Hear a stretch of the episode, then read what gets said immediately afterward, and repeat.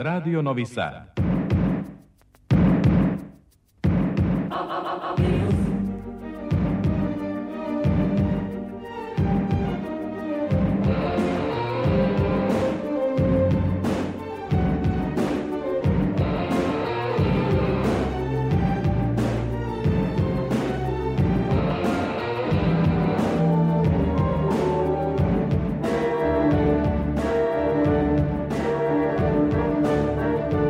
Spektar.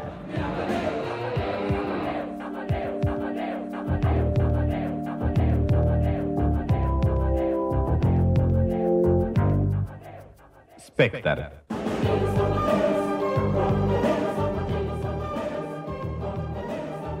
Deset je sati i 13 minuta. Dobro večer, dragi slušaoci. Još jedno i to februarsko izdanje Spektra, magazina za kulturu Radio Novog Sada, u kojem evo šta beležimo. Dve književne nagrade, Zmajevu i Vitalovu. Početak programa u prvoj nacionalnoj prestonici kulture u Čačku. Premijeru u Narodnom pozorištu Sterije u Vršcu prvu u 2023.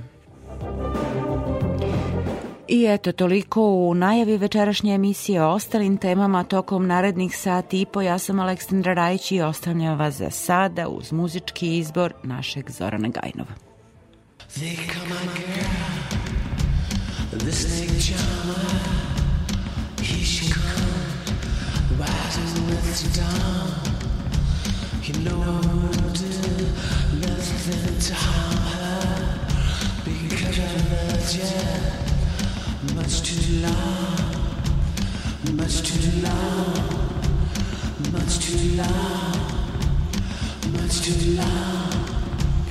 Much too long.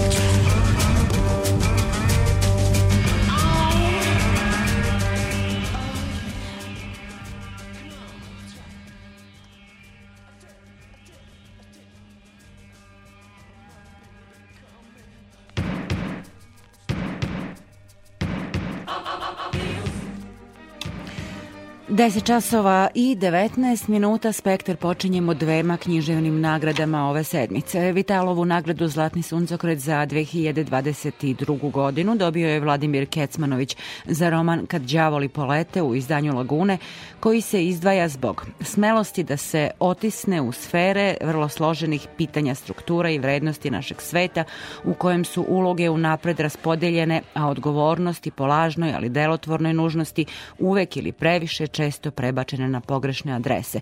To se kaže u odluci žirija koji su učinili Vladimir Gvozden, Dragan Jovanović Danilov i Dragan Babić a Miodrag Rajičević, 69. je dobitnik Zmajeve nagrade koju Matica Srpska dodeljuje za najbolju pesničku knjigu. Njegovu zbirku o stvarima koje je Homer propustio u izdanju gramatika, žiri je odabrao u konkurenciji od 50 knjiga. Nagrada će mu biti uručena na dan Matice Srpske 16. februara. U najužem izboru bile su i knjige Emsure Hanzić i Anđelka Anušića. Članovi žirija su još jednom naglasili vrhunski kvalitet produkcije, ukazali da novi glasovi suvereno pariraju potvrđenim autorima i autorkama. Posebnost teksta Miodraga Rajičevića prevagnula je u konačnoj odluci, kaže predsjednik žirija Jovan Delić. To je jedan neobičan spoj, jedan predragocen i redak spoj onoga što je najgušća melanholija, osjećanje blizine smrti, smrti, prolaznosti, uspomena na drage ljude koji više nisu tu i njihove seni koje su prisutne. S jedne strane i jedan humor, neverovatan humor, koji prati svaku pjesmu, iz pjesme u pjesmu. Jedno poigravanje tekstom, kao da se čovjek priča neku priču ili igra se nekog eseja, a onda kaže da rezimiramo. Dakle, jedna ironija koja, ili autoironija koja je neprestano titra iz teksta u tekst i jedna želja za estetizacijom koja nije nametljiva, koja je toliko prirodna, kao prirodna priča, Rekao sam opet da je on citirao Česlava Miloša i da ta težnja da poezija i proza budu što bliže, da u poeziju uđe i nešto što je siže, jeste nešto što je dragoceno u ovoj knjizi.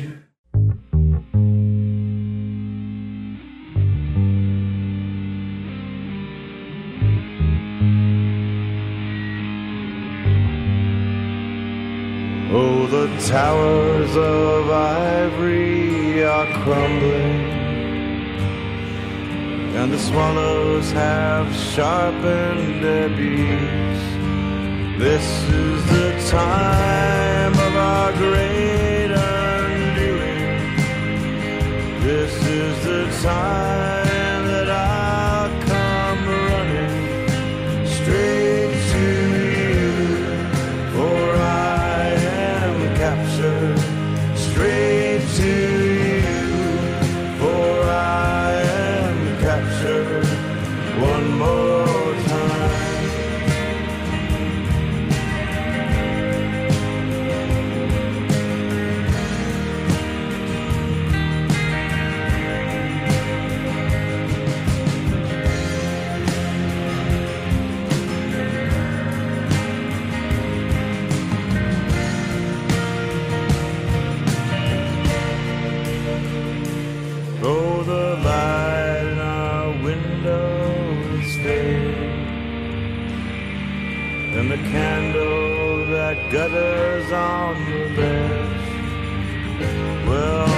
sorrow it comes a stealing, and I'll cry, girl,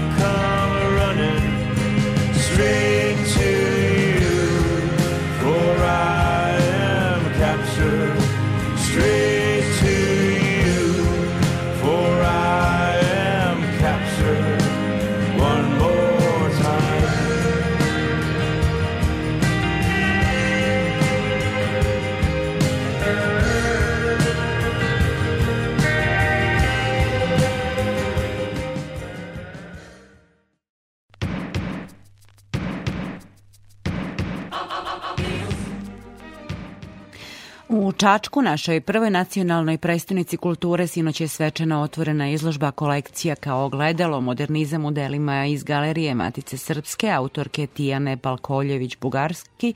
Dakle, velika izložba iz naše najstarije kolekcije koju je u prethodne dve godine videlo više od 60.000 ljudi. U galeriji Nadežda Petrović do 22. marta biće izloženo 79 dela koji ilustruju srpsku likovnu umetnost, njene uzore, opredeljenja i domete od poslednjih decenija 19. veka do sredine 20. veka. Ta reprezentativna postavka najavila je bogat i raznovrstan program projekta Čačak nacionalna predstavnica kulture 2023. godine, koji će pod sloganom Čačanska rodna, a počev od 21. marta kada je planirana svečana ceremonija otvaranja, predstaviti više od 100 kulturnih događaja. Sa umetničkim rukovodiocem projekta i direktorom galerije Nadežda Petrović, Brankom Ćalovićem, razgovarala je Ivana Maletin-Ćorilić. Otvaranje izložbe kolekcija kao gledalo modernizam u delima iz Galerije Matice Srpske uvodni je program u godinu nacionalne prestonice kulture. Da li ono nagoveštava i sam koncept programa? Pa da, naravno, evo samim tim što nam gostuje izložba koja je privukla takvu pažnju javnosti i vezana za Novi Sad koji je bio Evropska predstavnica kulture, logičan je bio, da kažem, partnerski odnos jednostavno na nacionalnoj predstavnici kulture. Naši sugrađani su sinoć imali priliku da prisustuju jednom ekskluzivnom događaju iz najmanje tri razloga. Prvi je što smo otvarali izložbu reprezentativnih dela iz kolekcije Galerije Matice Srpske, a svima je poznato da ona u svom fondu čuva stvaralaštvo nekih od najznačajnijih umetnika nacionalne istorije umetnosti i kulture. Drugi razlog je taj što galerija ovom godinom ulazi u godinu kad obeležava jedan veliki jubilej, 150 godina od rođenja Nadežde Petrović, rodonačelnice srpske moderne i umetnice koja je promenila tok srpskog slikarstva početkom prošloga veka i koja se nalazi upravo na početku cele kolone umetnika najzaslužnijih za uvođenje nacionalne umetnosti u evropske tokove. Treći razlog koji je možda i najzanimljiviji u ovom trenutku jeste taj što ovom izložbom galerija i grad Čačak odpočinju sa programskim aktivnostima na projektu Čačak nacionalna predstavnica kulture 2023. godine i najavljujemo sadržajno bogate programe koji nas očekuju tokom cele godine, kako na nivou grada, tako i u našoj galeriji. Posebno nam je drago e, što imamo zaista e, veliku predusretljivost i izuzetnu saradnju kolega iz Galerije Matice Srpske i ja im se zahvaljujem na njihovoj želji da se ovako važna dela vide i u drugim sredinama i smatram da je e, intenziviranje saradnje ustanova sa svojim matičnim ustanovama od izuzetnog značaja za sredine kao što je Čačak. Da li će Galerija Nadežda Petrović u godini nacionalne predstavnice kulture i velikog jubileja dobiti i novi galerijski prostor? Da, u okviru infrastrukturnih e, projekata e, u okviru 2023. godine, e, koji su, moram da priznam, izuzetno ambiciozni, e, podrazumevano je formiranje jednog jedinstvenog muzejskog kvarta, muzejskog kompleksa koji bi se formirao u samom centru grada oko crkve Svetog Vaznesenja Hristovog u Čačku, koje je jedan svojevrstan i duhovni i kulturni centar nama Čačanima i u tom prostoru e, uvođenjem i otvaranjem novih ustanova i depandanasa, konkretno etnografskog muzeja koji će biti izdvojeni depandans Narodnog muzeja i muzeja košarke, planirana je i prenamena objekta zgrade policijske uprave koji se nalazi između svih ovih objekata, gde se danas izdaju lične karte i dozvole, i davanje na korišćenje tog objekta umetničkoj galeriji Nadežda Petrović za prezentaciju svoje stalne postavke i za depoje za bogati fond koji baštinimo, a koji trenutno još uvek nema dovoljne prostorne kapacitete. E, U okviru ovog ogromnog kompleksa planirana je i rekonstrukcija ulice koja će sad dobiti jednu formu integrisane ulice sa e, smanjenim intenzitetom saobraćaja, e, uvećanim e, pešačkim površinama, drvoredima i jednom kompletnom materializacijom partera celog tom kompleksa kako bi se stekao utisak jedne jedinstvene celine u Čačku. Celu tu infrastrukturu pratit će i zatvaranje ulice Župana Stracimira koja se nadovezuje praktično crkve Svetog Vaznesenja ka centralnoj pešačkoj gradskoj zoni i ona će e, izmeštanjem e, biste Ivana Meštrovića Nadežde Petrović e, formirati jedan, da kažem, mini trg Nadežde Petrović koji će u vizualnom smislu praktično iz te šetačke zone i biti jedna vrsta uvoda u muzejski kompleks. Da, mnogi kolekciju galerije Nadežda Petrović vezuju za dela naše velike slikarke, ali zapravo je reč o jednoj modernoj galeriji savremene umetnosti. Pa da, umetnička galerija Nadežda Petrović pre svega je galerija savremene umetnosti i prati trenutno aktuelnu savremenu scenu. Međutim, i Memorial Nadežde Petrović je naša programska vertikala, na, tu se daju dve nagrade laureatima i samim tim realizacija tih izložbi praktično i definiše koncept umetničke galerije. Međutim, bez obzira na to, na, u našem programu mi uvek se bavimo i zašto pokretnog kulturnog nasleđa i prezentacijom kulturnog nasleđa, što je dokaz upravo izložba koja je trenutno upriličena u Čačku. Ove godine navršava se i jedan značajan jubilej, a to je 150 godina od rođenja Nadežde Petrović. Kojim programima ćete obeležiti taj značajan datum? Pa evo, obeležavanje jubileja, kao što ste pomenuli, 150. godišnjice od rođenja velike slikarke, pre svega podrazumeva jedan multidisciplinoran i kompleksan pristup u smislu sadržajnosti programa, baš onako kako su bila interesovanja Nadežde Petrović. Generalno, za taj projekat od samog starta i njegove pojedine segmente postojali su zainteresovani institucione partneri i svi su bili radi da daju svoj doprimo i dalje u implementaciji tog projekta, tako da nismo imali nikakav problem da već u pre godinu i po dana kada smo ga i pisali, imamo podršku kako kolega iz Muzeja savremene umetnosti iz Beograda, tako i naše matične ustanove Narodnog muzeja Srbije u Beogradu i svih partnera iz regiona. U tom smislu taj projekat je promišljan da ima, da kažem, dva, dva koloseka, jedan će biti nacionalno-regionalni, jedan će biti međunarodni. E, nacionalni nivo nosilac tog projekta biće Narodni muzej Srbije koji upravo priprema za 14. februar ogromnu retrospektivnu izložbu Nadežde Petrović, autora doktora Lidije Merenik i doktora Igora Borozana. Ta izložba će nakon svoje predstavljanja u Narodnom muzeju biti upriličena u Muzeju savremene umetnosti u Banja Luci, zatim u galeriji Božidar Jakac u Kostanjevici na Krki, pa onda već sam pomenuo malo pre u Čačku i na kraju, krajem godine u Nišu.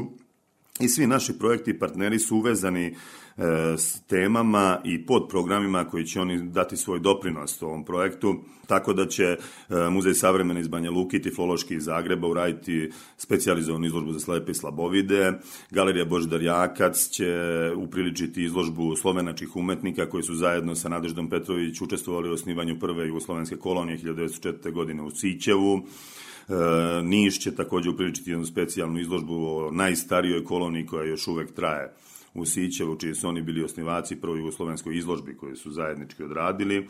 A umetnička galerija ima ceo jedan set e, programa tokom cele godine kojima će obeležiti ovaj jubilej i zaista bi bilo previše da nabrajam, to možemo da ostavimo i za neku drugu emisiju, ima ih preko 26.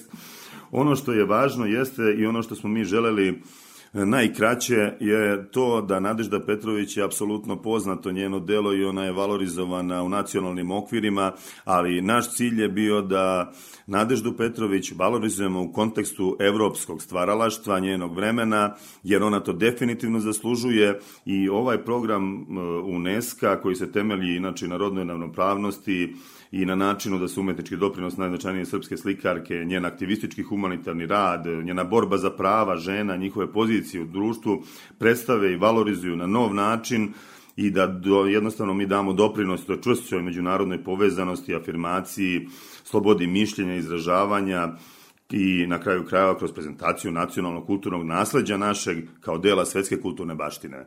Međunarodni deo programa podrazumevaće izložbu u Kulturnom centru u Parizu koji će upriličiti Muzej savremene umetnosti iz Beograda, koja će se fokusirati na nadeždin period boravka u Parizu od 1910. do 12. godine, takozvani parijski period kada su nastala neka od remek dela srpskog slikarstva, a umetnička galerija Nadežda Petrović neposredno pred taj događaj predstavit će Nadeždu njeno umetničko stvaralaštvo u palati UNESCO kroz dokumentarnu izložbu i kroz izvođenje dramskog komada o Nadeždi Petrović i kao svojevrsnu najavu za izložbu u Kulturnom centru u Parizu.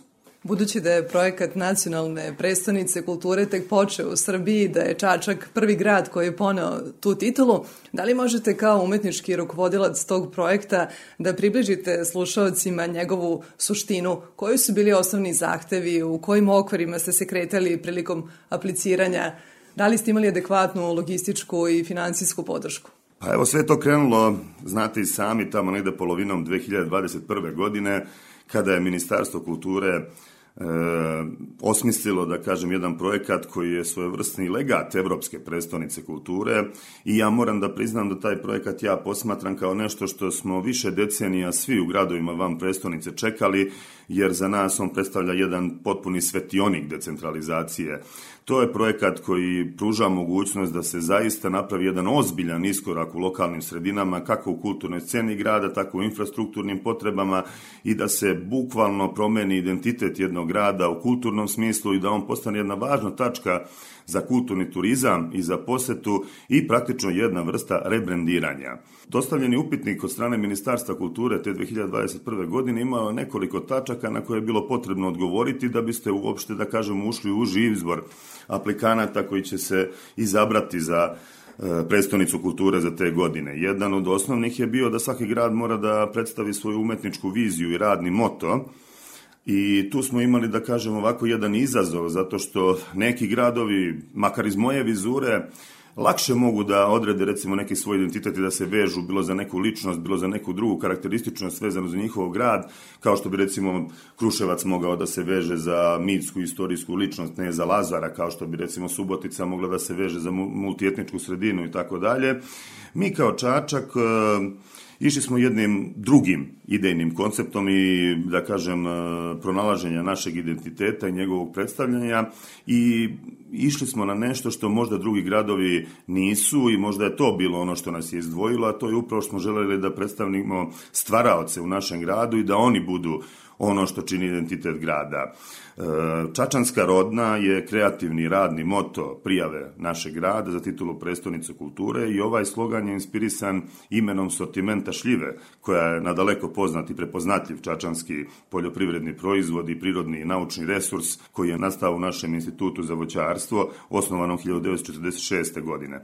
Kroz ovaj moto mi smo pokušali da predočimo ideju celog projekta, odnosno viziju našeg grada kao vekovnog, plodnog, odnosno rodnog tla za razvoj kulture, umetnosti, duhovnosti, ali i nauke, privrede, turizma, sporta. Iz ovog rodnog tla razvila se bogata kulturna baština kao i raznovrsno savremeno stvaralaštvo, a razvija se jednostavno i vizija grada Čačka praćena kroz prizmu tog rodnog tla kao rasadnika znamenitih ličnosti, koji su ostavili trag ili i sada delaju na čačanskim rodnim poljima, duhovnosti, istorije, politike, umetnosti, poljoprivrede i sporta, ali i u svim drugim stva, oblastima stvaranja, nauci, kulturi, privredi, neprestano tražeći mogućnosti za napređenje znanja i iskazivanje kreativnosti.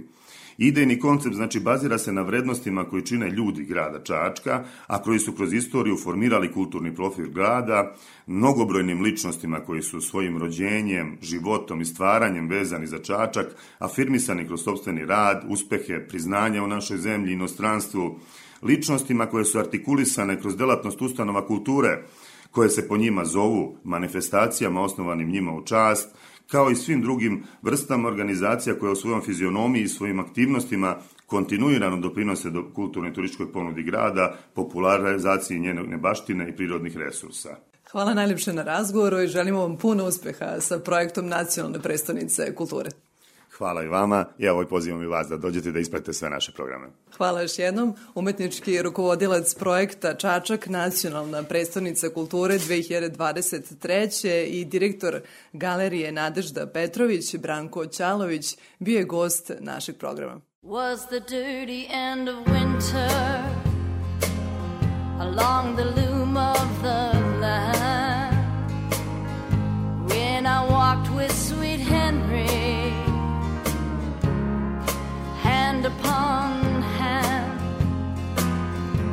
and the wind hit bit bitter for a girl of no means with no shoes on her feet and a knife in her jeans along the loom of the land. The mission bells peal from the tower of St. Mary down to reprobate fields and I saw the world all blessed and bright. And Henry breathed softly in the majestic night.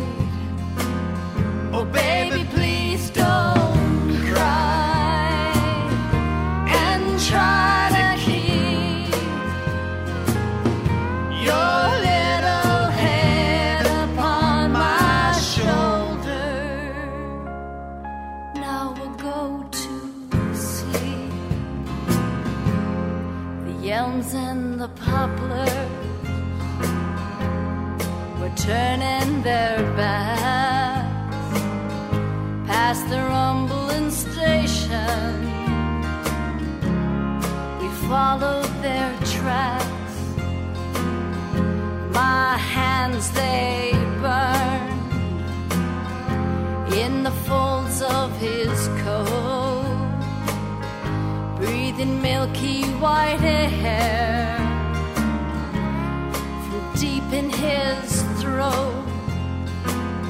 Oh, baby, please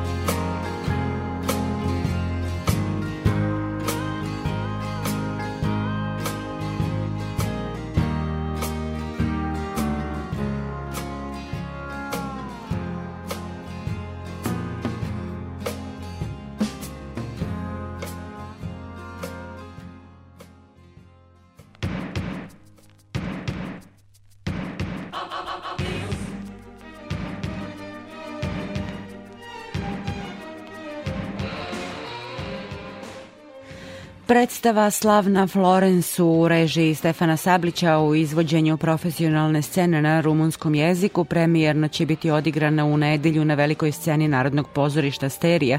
Vršačko pozorište ovom premijerom ujedno će otvoriti i novu kalendarsku godinu. Reditelj predstave naveo je da je hteo da napravi komediju sa puno smeha u kojoj gledamo realnost kao absurd. Sa njim je razgovarala Ana Čupić. Brodvojski šou i veliki pozorišni hit prvi put je izveden u Londonu 2005. godine. U pitanju je Slavna Florence koja će 2023. otvoriti drugu polovinu tekuće sezone vršačkog pozorišta na e, rumunskoj sceni. Možete li nam reći nešto o ovoj predstavi? Pa ovaj tekst od pisca Petera Quiltera je pisan po, u stvari, dokumentarno po istinitoj priči o jedne žene koja je imala veliku strast za slavom i za muzikom. U pitanju je Florence Foster Jenkins, koja je proglašena za najgoru pevačicu na svetu. Ona je jako želela da peva i da bude operska diva, a pevala je falš.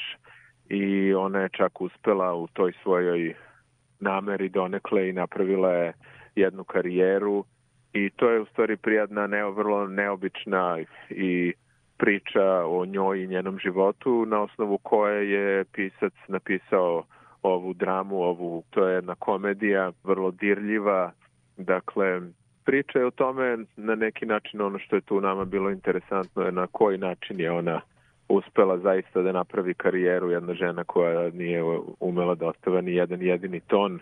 Dakle, reč je o tome da je ona shvatila da je ona bila na neka vrsta showmana, imala je neku pozitivnu pink energiju koju je emitovala, a takođe se bavila i shvatila je vrlo brzo da uz pomoć malih poklona, šarma, potplaćivanja i korupcije može da osvoji sve i svakoga.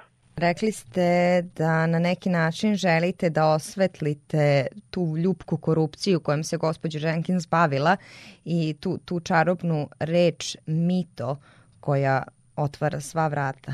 Da, jeste. Mislim, to je taj fenomen koji je nama veoma blizak ovde. Naravno, ko, dakle, ona ne ide za pravdom. Gospođa Jenkins ne prati pravdu, nego ona na neke, ona potkupljuje ljude, svako ko želi da dođe na njen ovaj koncert mora da dođe na intervju kako bi dobio besplatnu kartu. Dakle, ona se bavi u malim dimenzijama, to može biti ljupko, ali naravno da je to negativna pojava i u suštini ona je na neki način kroz, te, kroz svoje klubove i kroz svoje splela mrežu ljudi preko kojih je ali na kraju svoje karijere ona je čak da kažem uspela da ovaj ljudi su dolazili da se zabavljaju na njene nastupe jer da se smeju i da daju možda sebi oduška čak i neki poznavaoci opere su dolazili da prosto se na neki način sprdaju sa time naravno i to se sve može gledati i sa jedne i sa druge strane, a neki su dolazili i zaista su ih verovali, znate, kao i danas što mnogi stvari koje su ovaj koje su takve kakve su su proglašene za neku vrednost. Tako da mnogi su tu dolazili i verovatno su i verovali da je ona dobra pevačica. Sve o svemu mi smo hteli da napravimo jednu predstavu koja je zabavna, koja je da se publika dobro zabavi, da je bliska publici, da komunicira s publikom i nadamo se da, da čini mi se da smo uspeli u tome. Ja se nadam i želim vam svu sreću, kao što je i ovaj tekst jeli uspeo kada je izveden na West Endu te 2005. godine. On je bio novinovan za prestižnu nagradu Laurence Olivier kao najbolja nova komedija. Yes, I to da. savršeno funkcioniše sa tim što je ona zapravo imala najprodavanije koncerte i priča prati zapravo taj njen vrhunac karijere. Jeste, da, ona se priča se odvija u stvari u tom, tom njenoj pred pre, pre nego što je ona pred kraj njenog života samog, dakle ta, ta priča kada je ona imala taj koncert veliki u Metropolitanu. Zanimljivo, želim vam punu salu i želim vam uspeh kakav je imala e. slavna Florence. Hvala vam, hvala. Hvala vam što ste govorili za naš radio.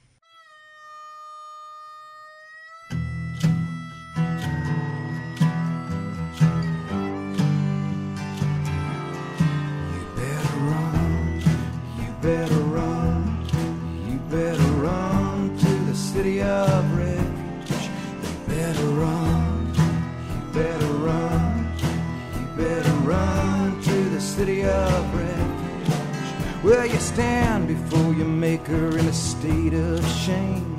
Your robes are covered in mud, and you kneel at the feet of a woman of the street. The gutters will run with blood, they will run with blood. You better run, you better run to the city of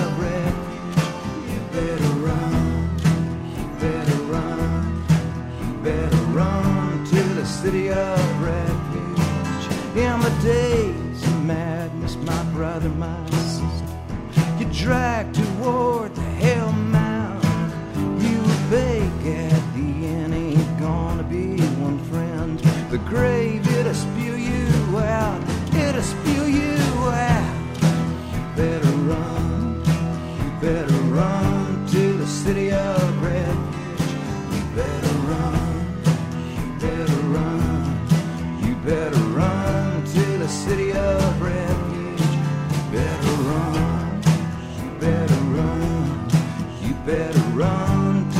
You'll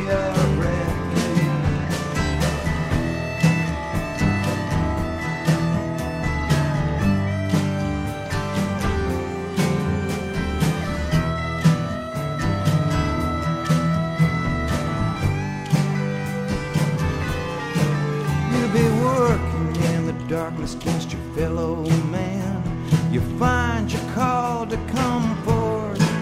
You scrub and you scrub, but trouble is blood. The blood, it won't wash off. No, it won't come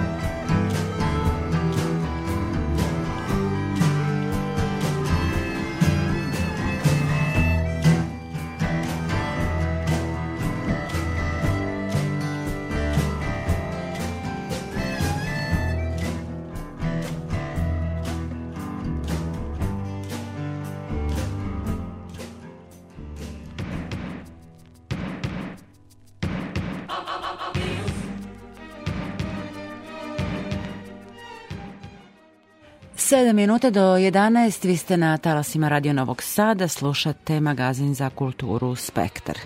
Izbori za najbolji roman i najbolju knjigu lansirali su imena izdavačkih kuća malo znanih široj čitalačkoj javnosti. Debitanski roman Marijane Čanak, Klara Clarisa, bio je među pet najboljih u obe selekcije. Izdavač Novosadski Bulevar Books Milana Tripkovića, takođe pisca, čiji je roman Klub istinskih stvaralaca bio u najužoj konkurenciji za Nina.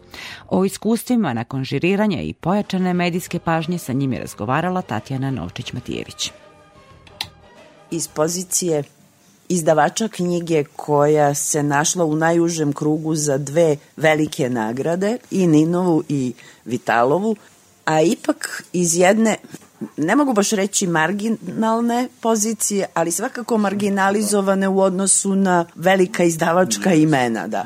Kakvo je sad iskustvo proći kroz svu tu mašineriju? Iskustvo je odlično.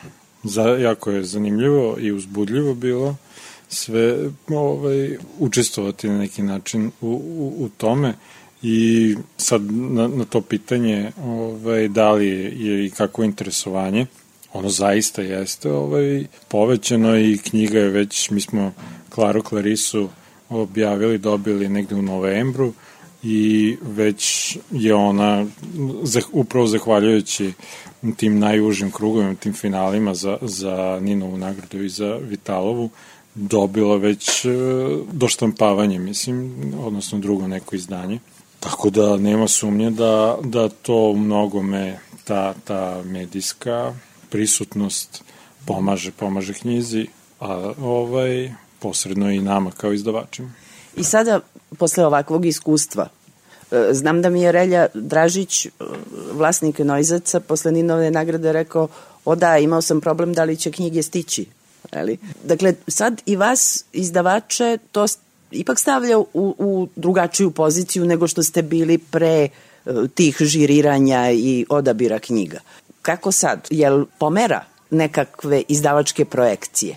Pa, apsolutno, pre svega da kao, uh, mislim, sigurno i za pisca i za nas kao izdavače, vrlo postican ceo, ceo taj ciklus, jel, u, u, kojem vidimo da, da je knjiga tražena, da, da ovaj, je i medijski prisutna, ali prisutna pre svega na polju interesovanja ovaj, kod čitalaca, tako da Ne znam, ne znam šta sad, mislim, mi nemamo za sad kapacitet da, da razmišljamo u nekim okvirima megalomanskim, jel, nego polako, ono, grickamo naše, naše poslastice, koje će valjda biti sad to ono sve od nekih sitnih kolača do, do, ovaj, do torti na kraju.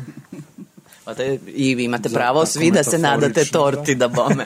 I, I sad moram da te pitam iz pozicije pisca. Dakle, tvoj roman je satira na ono što jeste nekakva književna javnost i književni život.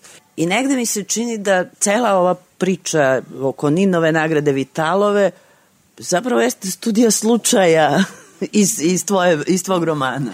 Pa moglo bi biti, da. Moglo bi biti, mislim, činjenica je da, da su uglavnom polemike pokrenule sujet, mislim, to je u osnovi sujeta zapravo umetnička, odnosno u ovom slučaju pisaca. I uvek se tu, mislim, uvek vri upravo zbog toga, zbog nekih e, projekcija i deluzija tih mm, autora koji, koji o sebe zapravo e, mnogo dobro misle i vrlo ozbiljno sebe doživljavaju.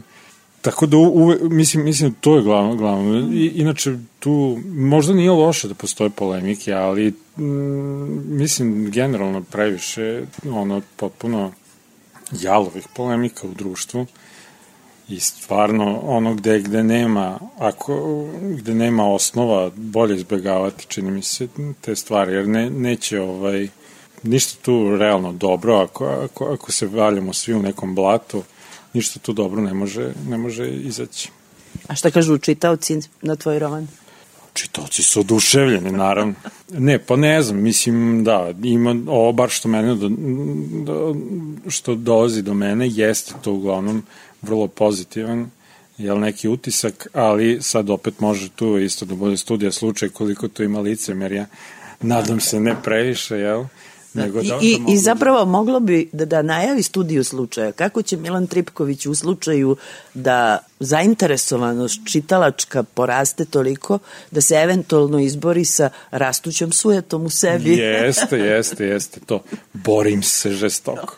Ja, ovaj, pa ne, činjenica da knjiga zaista, je- meni, meni je moj izdavač, eh, Dejan eh, i urednik knjige odao priznanje koje je rekao da, da on ne voli ljudima da priznaje, ako baš ne mora da su u pravu, ali mislim na moje insistiranje je knjiga ovaj, uopšte ušla u te konkurse, u te stvari i on kaže ja stvarno ovaj, sam siguran sad posle svega da ne bismo ni blizu prodali toliko knjiga da, da ona nije imala tu recepciju i medijsku pažnju i, i sve to.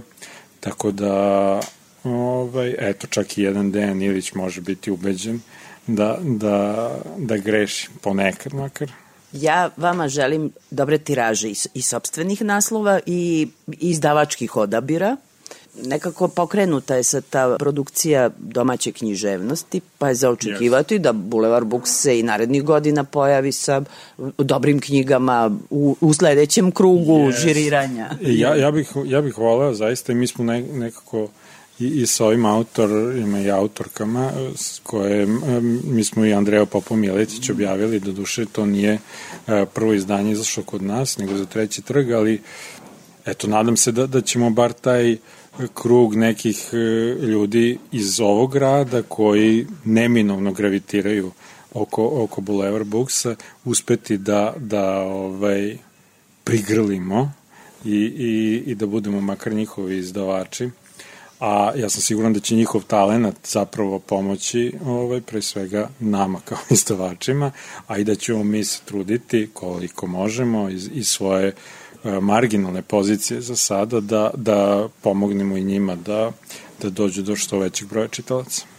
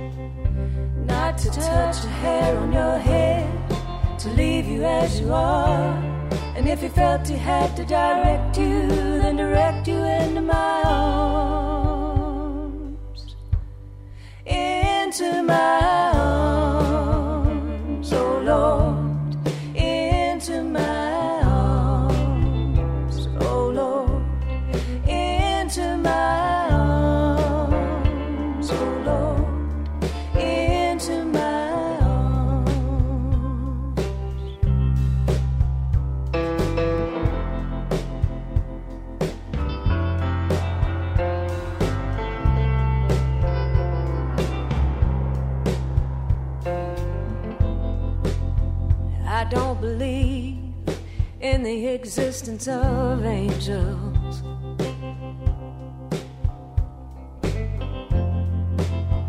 But looking at you, I wonder if that's true.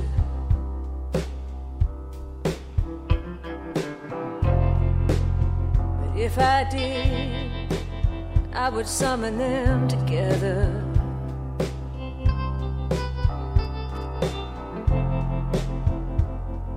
Ask them to watch over you. To each burn a candle for you, to make bright and clear your path, and to walk like Christ in grace and love and guide you into my arms.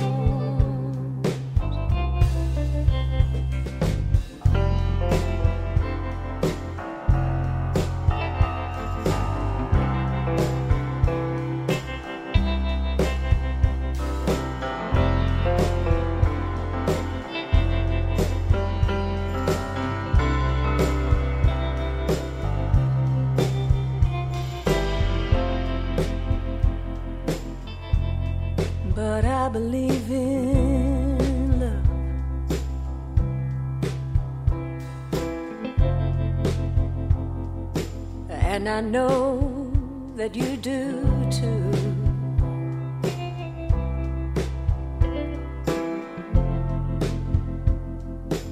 And I believe in some kind of path.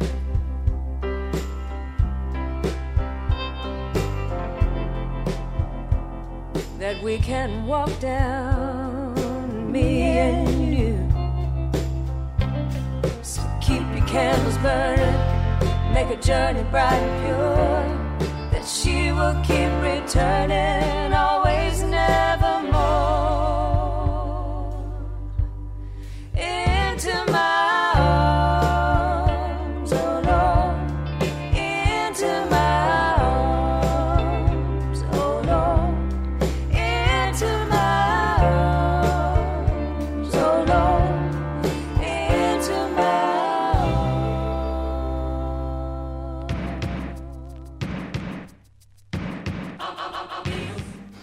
kad smo već kod pažnje čitalačke javnosti, u narednim minutima skrećemo pažnju na jedan izložbeni katalog. Velike interesovanje javnosti pratila je svojevremeno i Zrenjaninsku izložbu o Urošu Prediću, priređenu iz Fonda Narodnog muzeja u Zrenjaninu. Izložba je potom obišla gradove u Srbiju, pa i u okruženju, e, videlo ju je nekih 60 hiljada ljudi i ispostavilo se da je prateći katalog prvobitni tiraž bio nedovoljan. Stoga je obnovljen u redizajniranom i prilagođenom knjizi izdanju, bogat fotografijama i fotodokumentacijom, vrlo čitko podeljena poglavlja iz umetnikovog života i kao takav biće ovih dana i prezentovan.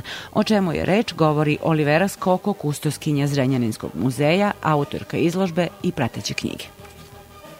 2017. godine Narodni muzej Zrenjanin je odlučio da obeleži 160 godina od rođenja Uroša Predića izložbom i sobstvenog fonda. Dakle, oslonjeno pre svega na sam legat koji čuvamo i, i ostala dela koje su u našu ustanovu dolazila putem poklona i otkupa.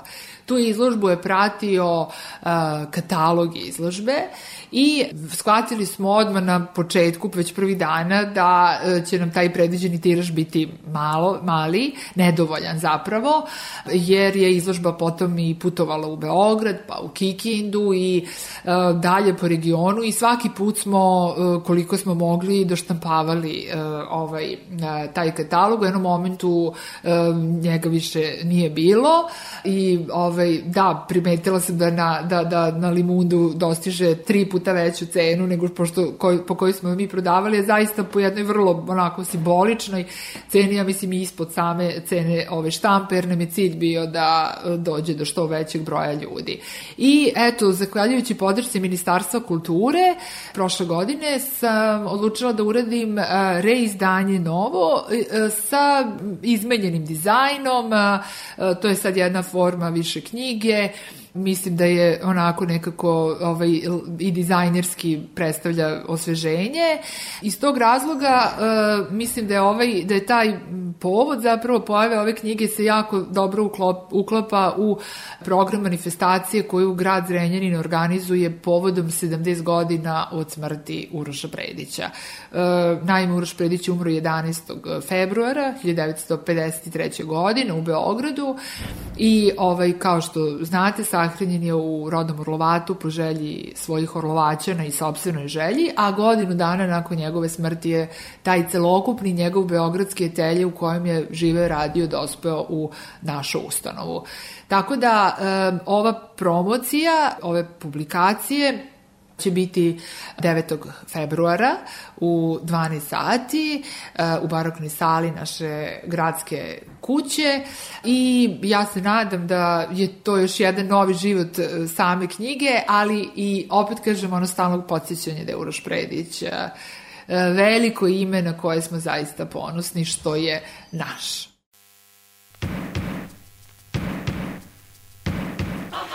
A Uroš Predić je i centralna figura u galeriji Matice Srpske ovih meseci, a broj posetilaca meri se desetinama hiljadak.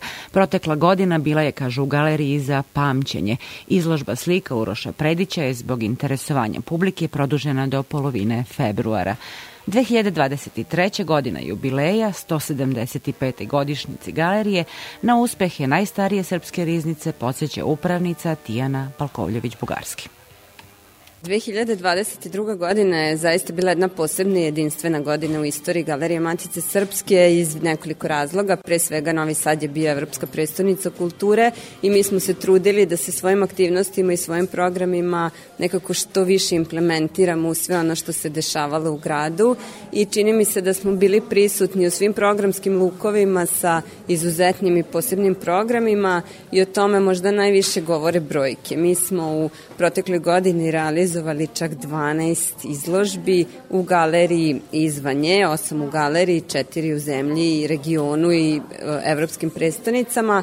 Zatim smo e, izdali 21 publikaciju i odborili smo rekordnih preko 130.000 posetilaca. I to jesu, da kažem, veliki, veliki važni rezultati, ali ono što je mnogo važnije, uspeli smo da postignemo ono što smo želeli, a to je da u godini jubileja Galerije Matice Srpske, koje obeležavamo 175 godina, transformišemo ustanovu i sebe predstavimo kao jedan moderan, atraktivan, zanimljiv muzej u kome publika uživa. O tome najviše svedoči aktualna izložba Uroša Predića, koju smo evo produžili još dve nedelje zbog velikog interesovanja i činjenice da je samo ona imala preko 33.000 posetilaca, što je zaista jedna, jedan divan podatak.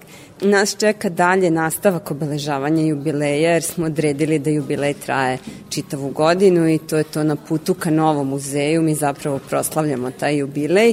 On će obuhvatiti nekoliko važnih aktivnosti, pre svega izložbu poklon zbirke Dragiše Brašovana, izložbu Vase Pomorišca kao poslednjeg u nizu, stipendista Uroš Predić je bio prvi, Vasa poslednji, s njim ćemo zatvoriti jubilej i neke izložbe kao što ova izložba koja je bila u Kulturnom centru u Parizu, ona već u martu gostuje u našem prostoru, odnosno biće predstavljena ovde.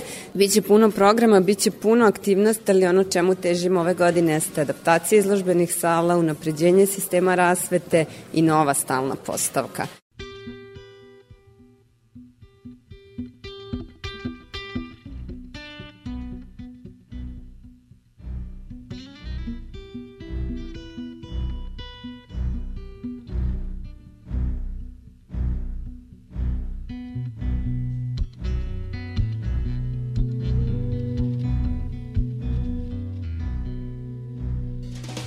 Take a walk through the edge of town, past the tracks.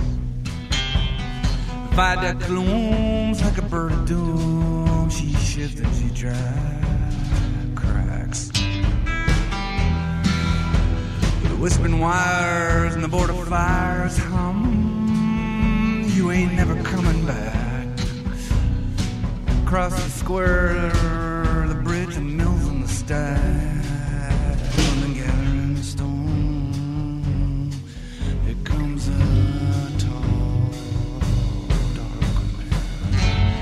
their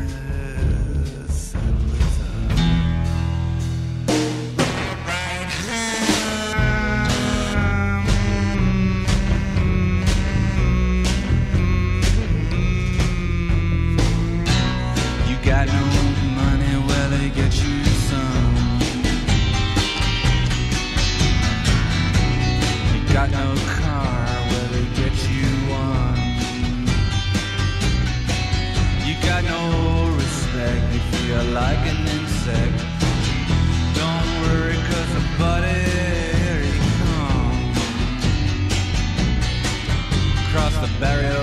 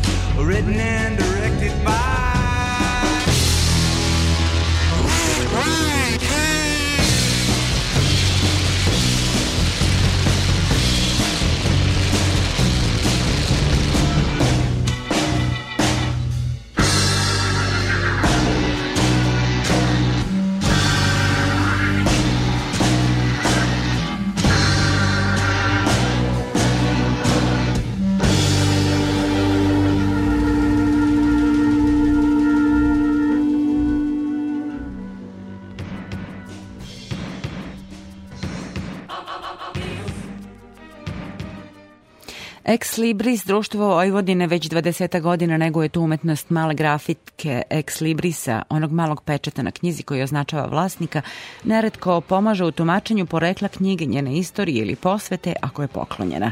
Današnji Ex Libris je najčešće umetnički raz, rad i izraz bibliofilskih osjećanja vlasnika. Takav ex libris posvećen e, liku i stvaralaštvu Emira Kusturice bio je tema treće međunarodne izložbe Vojvođanskog društva. Odgovori na konkurs stigli su iz celog sveta, a na izložbu u arhivu Vojvodine predstavljeno je više od 60 autora i oko 130 radova. Izložba je otvorena do kraja februara, a u martu se seli i gostuje najpre u Kruševcu, potom u Andrić gradu. O izložbi i nagrađenima govorila je predsednica žirija i umetnica Olgica Stefanović. Govorila sam u smislu toga da postoji svetsko udruženje Ex Librisa, po čijim pravilima sva Ex Libris društva rade, kao i naš Ex Libris. Po tom nekom pravilniku smo i mi doneli e, nagradu, znači Grand Prix, prvu nagradu, drugu i treću nam dele. Mogu da vam kažem da je prvu nagradu dobio Mauricio Schwarzman iz Argentine. To je jedan sjajan grafičar koji, profesor grafike, koji se čitao svoj život bavi grafikom i koji se bavi jednom specifičnom u okviru uh, grafike, jednom specifičnom bojnom grafikom, takozvanom, koja je redka, ima svoje učenike koji se takođe time bave i veoma cenimo njegov rad. Nekoliko puta je već e, učestvovao na našim međunarodnim izložbama, znači on je dobio Grand Prix. Prvu nagradu je dobila Kočurova Zumbakova Irina Aleksandrovna iz Rusije.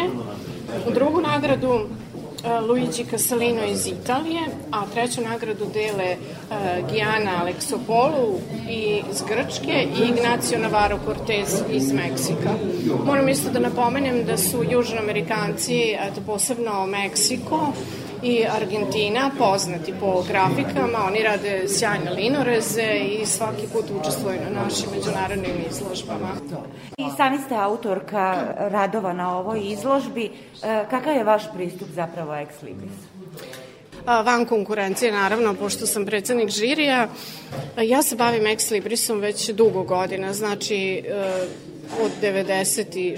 7. kada, smo, kada sam zajedno sa evo, nekim mojim kolegama tu učestvovala na međunarodnim izložbama, na mnogo međunarodnih izložbi, pristup je ja uvek pokušavam uh, da pošaljem onakav ex libris, uh, ex libris izložbe, to moram da vam kažem, su tematske. Dakle, kada se raspiše konkurs, zada se tema. Mi smo zadali temu Emir Kusturica. Ima raznih tema.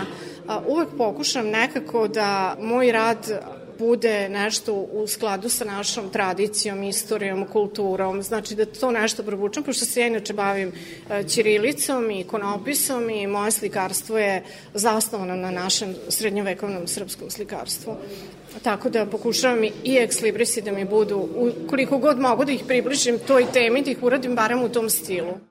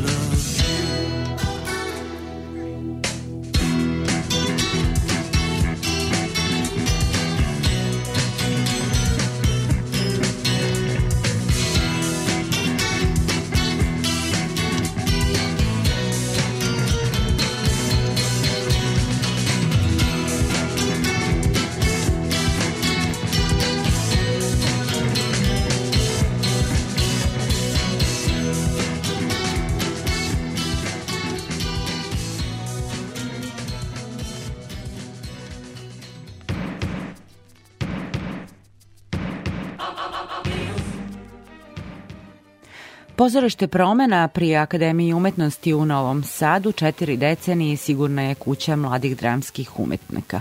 Iako je namenjena studentima, mnogi se njemu vraćaju i nakon diplome kao oazi energije, mladosti i duha. O tome šta to pozorište danas znači mladim umetnicima govorila je studentkinja Doroteja Vuković. Sa njom je razgovarala Ana Čupić. Pozorište promena postoji već više od četiri decenije. Ako se ne varam, 2019. je obeleženo 40 godina postojanja pozorišta promena monografijom. Šta zapravo studentima i mladim umetnicima danas znači pozorište promena? Pozorište promena pre svega jeste važna stvar u smislu što je zapravo jedino studentsko pozorište na ovim područjima jedino, koliko ja znam, ali pozorište promjena postoji u okviru Akademije umetnosti u, u Novom Sadu i osmišljeno je da bi studenti svoje ispitne predstave igrali van okvira ispitnog roka i da bi klase koje postoje na akademiji mogle međusobno da se mešaju i da stvaraju predstave kojima se ne bave na predmetu gluma. Ono što je jako važno za nas odnosno za studente koji završe Akademiju umetnosti kada nemaju posao, jednog dana oni mogu da se vrate i da u okviru pozorište promena formiraju određene autorske projekte od kojih na kraju krajeva mogu i u neku ruku i zarađivati. Ali ono što je isto važno jeste održavanje te glumačke veštine. Pozorište promena takođe pruža mogućnost za, za, za to. A, u praktičnom smislu pozorište promena je dobra stvar zato što, o, na primer, mi smo klasa glume i na dramskom departmanu postoji još drugih smerova. Produkcija, audiovizualni mediji, zatim dizajn zvuka, dizajn svetla i tako dalje. I mi upoznajemo se sa radom tih ljudi kao što se oni upoznaju sa našim radom i u suštini ono što zapravo učimo na akademiji primenjujemo u praktičnom smislu. Učimo da komuniciramo sa, sa ljudima, sa kolegama, sa saradnicima, učimo da rešavamo jel te pravne, administrativne, financijske probleme, bavimo se stvarima kao što je na primjer promocija, što zapravo nije u opisu glumačkog posla, a jedna je od najvažnijih stvari da bi pozorište opstalo. Koliko je zapravo ta institucionalna praksa važna za, za studente? Na, u našoj državi postoji mnogo dramskih akademija, ali ne postoje mesta gde bi studenti mogli da nastave baš da igraju -hmm. svoje ispitne predstave, osim u promeni. Da li vaše pozorište prima i druge studente iz drugih gradova i država ili ste se fokusirali baš na Novi Sad i na novosadski student? S obzirom da je sedište pozorište promena ovde u Novom Sadu, naravno da su bliži novosadski studenti Akademije umetnosti, ali imali smo par saradnji i sa različitim akademijama. Imali smo saradnju sa Banja Lučkom akademijom, sa uh, Akademijom umetnosti iz Beograda, sa Makedonijom i tako dalje. Tako da u, u suštini to je, to je važno na nivou uh, stvaranja određenih veština jer nastavni plan i program na akademiji je formiran tako da zagrabimo sve od pozorišne i filmske umetnosti što možemo, ali nam ne daje priliku da to vežba, vežbamo i usavršavamo pre nego što stupimo u profesionalni život. Tako da to daje jedan skup određenih veština koje pružaju mogućnost za snalaženje, za usavršavanje, za napredak studenta, glumca, dizajnera zvuka, dizajnera svetla i ostalih. Da li možda imate ciljnu grupu kada je publika u pitanju, ko vam najčešće dolazi, a koga biste voleli više da viđate da. u publici? Ono što je lepo kod promene jeste što ima stalnu publiku. Na primjer, kada zanimljivo mi je, pošto mi uvodimo publiku, mi se bavimo kaputima, bavimo se cepanjem karata i tako dalje. I zanimljivo je što uvek viđamo ista lica. I to je jako lepa stvar. Jedan čovek, ja mislim da je jednu predstavu odgledao više od deset puta, ali ono što nije dobra stvar jeste što nemamo novu publiku i ono što je zapravo najabsurdnije u svemu tome, mi smo studentsko pozorište, a studenta nigde. Tako da, redko kad vidimo mlade ljude da, da dolaze u promenu.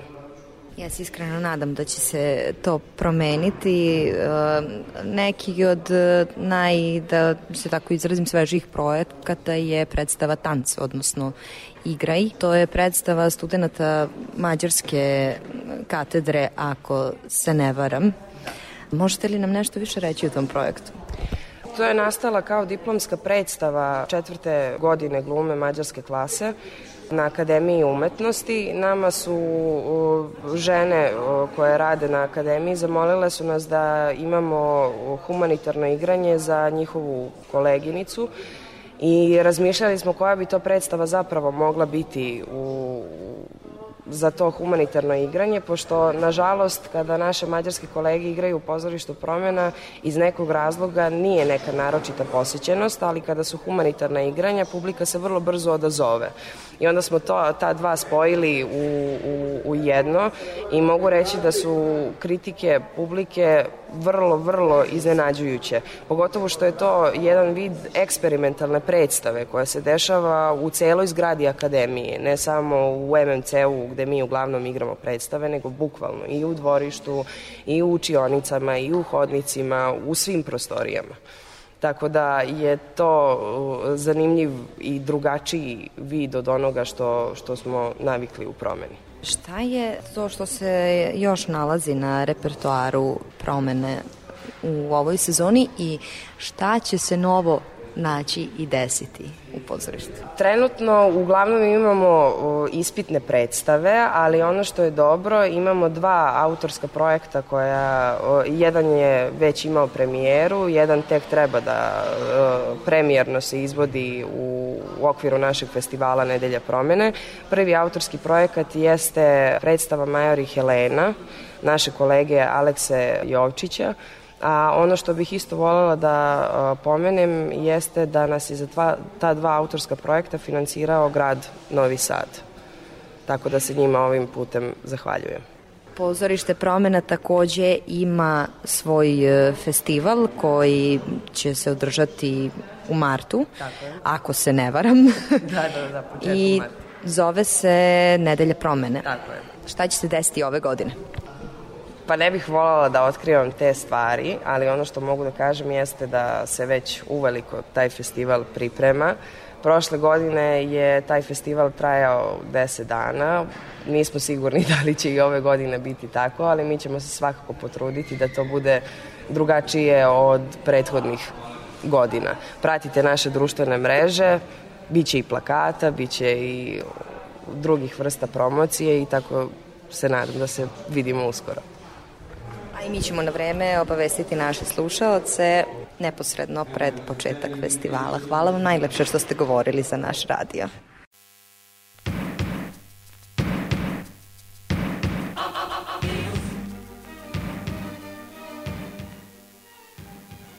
Nekih 26-7 minuta do ponoći ostalo mi je još, dragi slušalci, da vam preporučimo Spektar i ostale emisije iz kulture na našem sajtu rtv.rs na odloženom e, slušanju.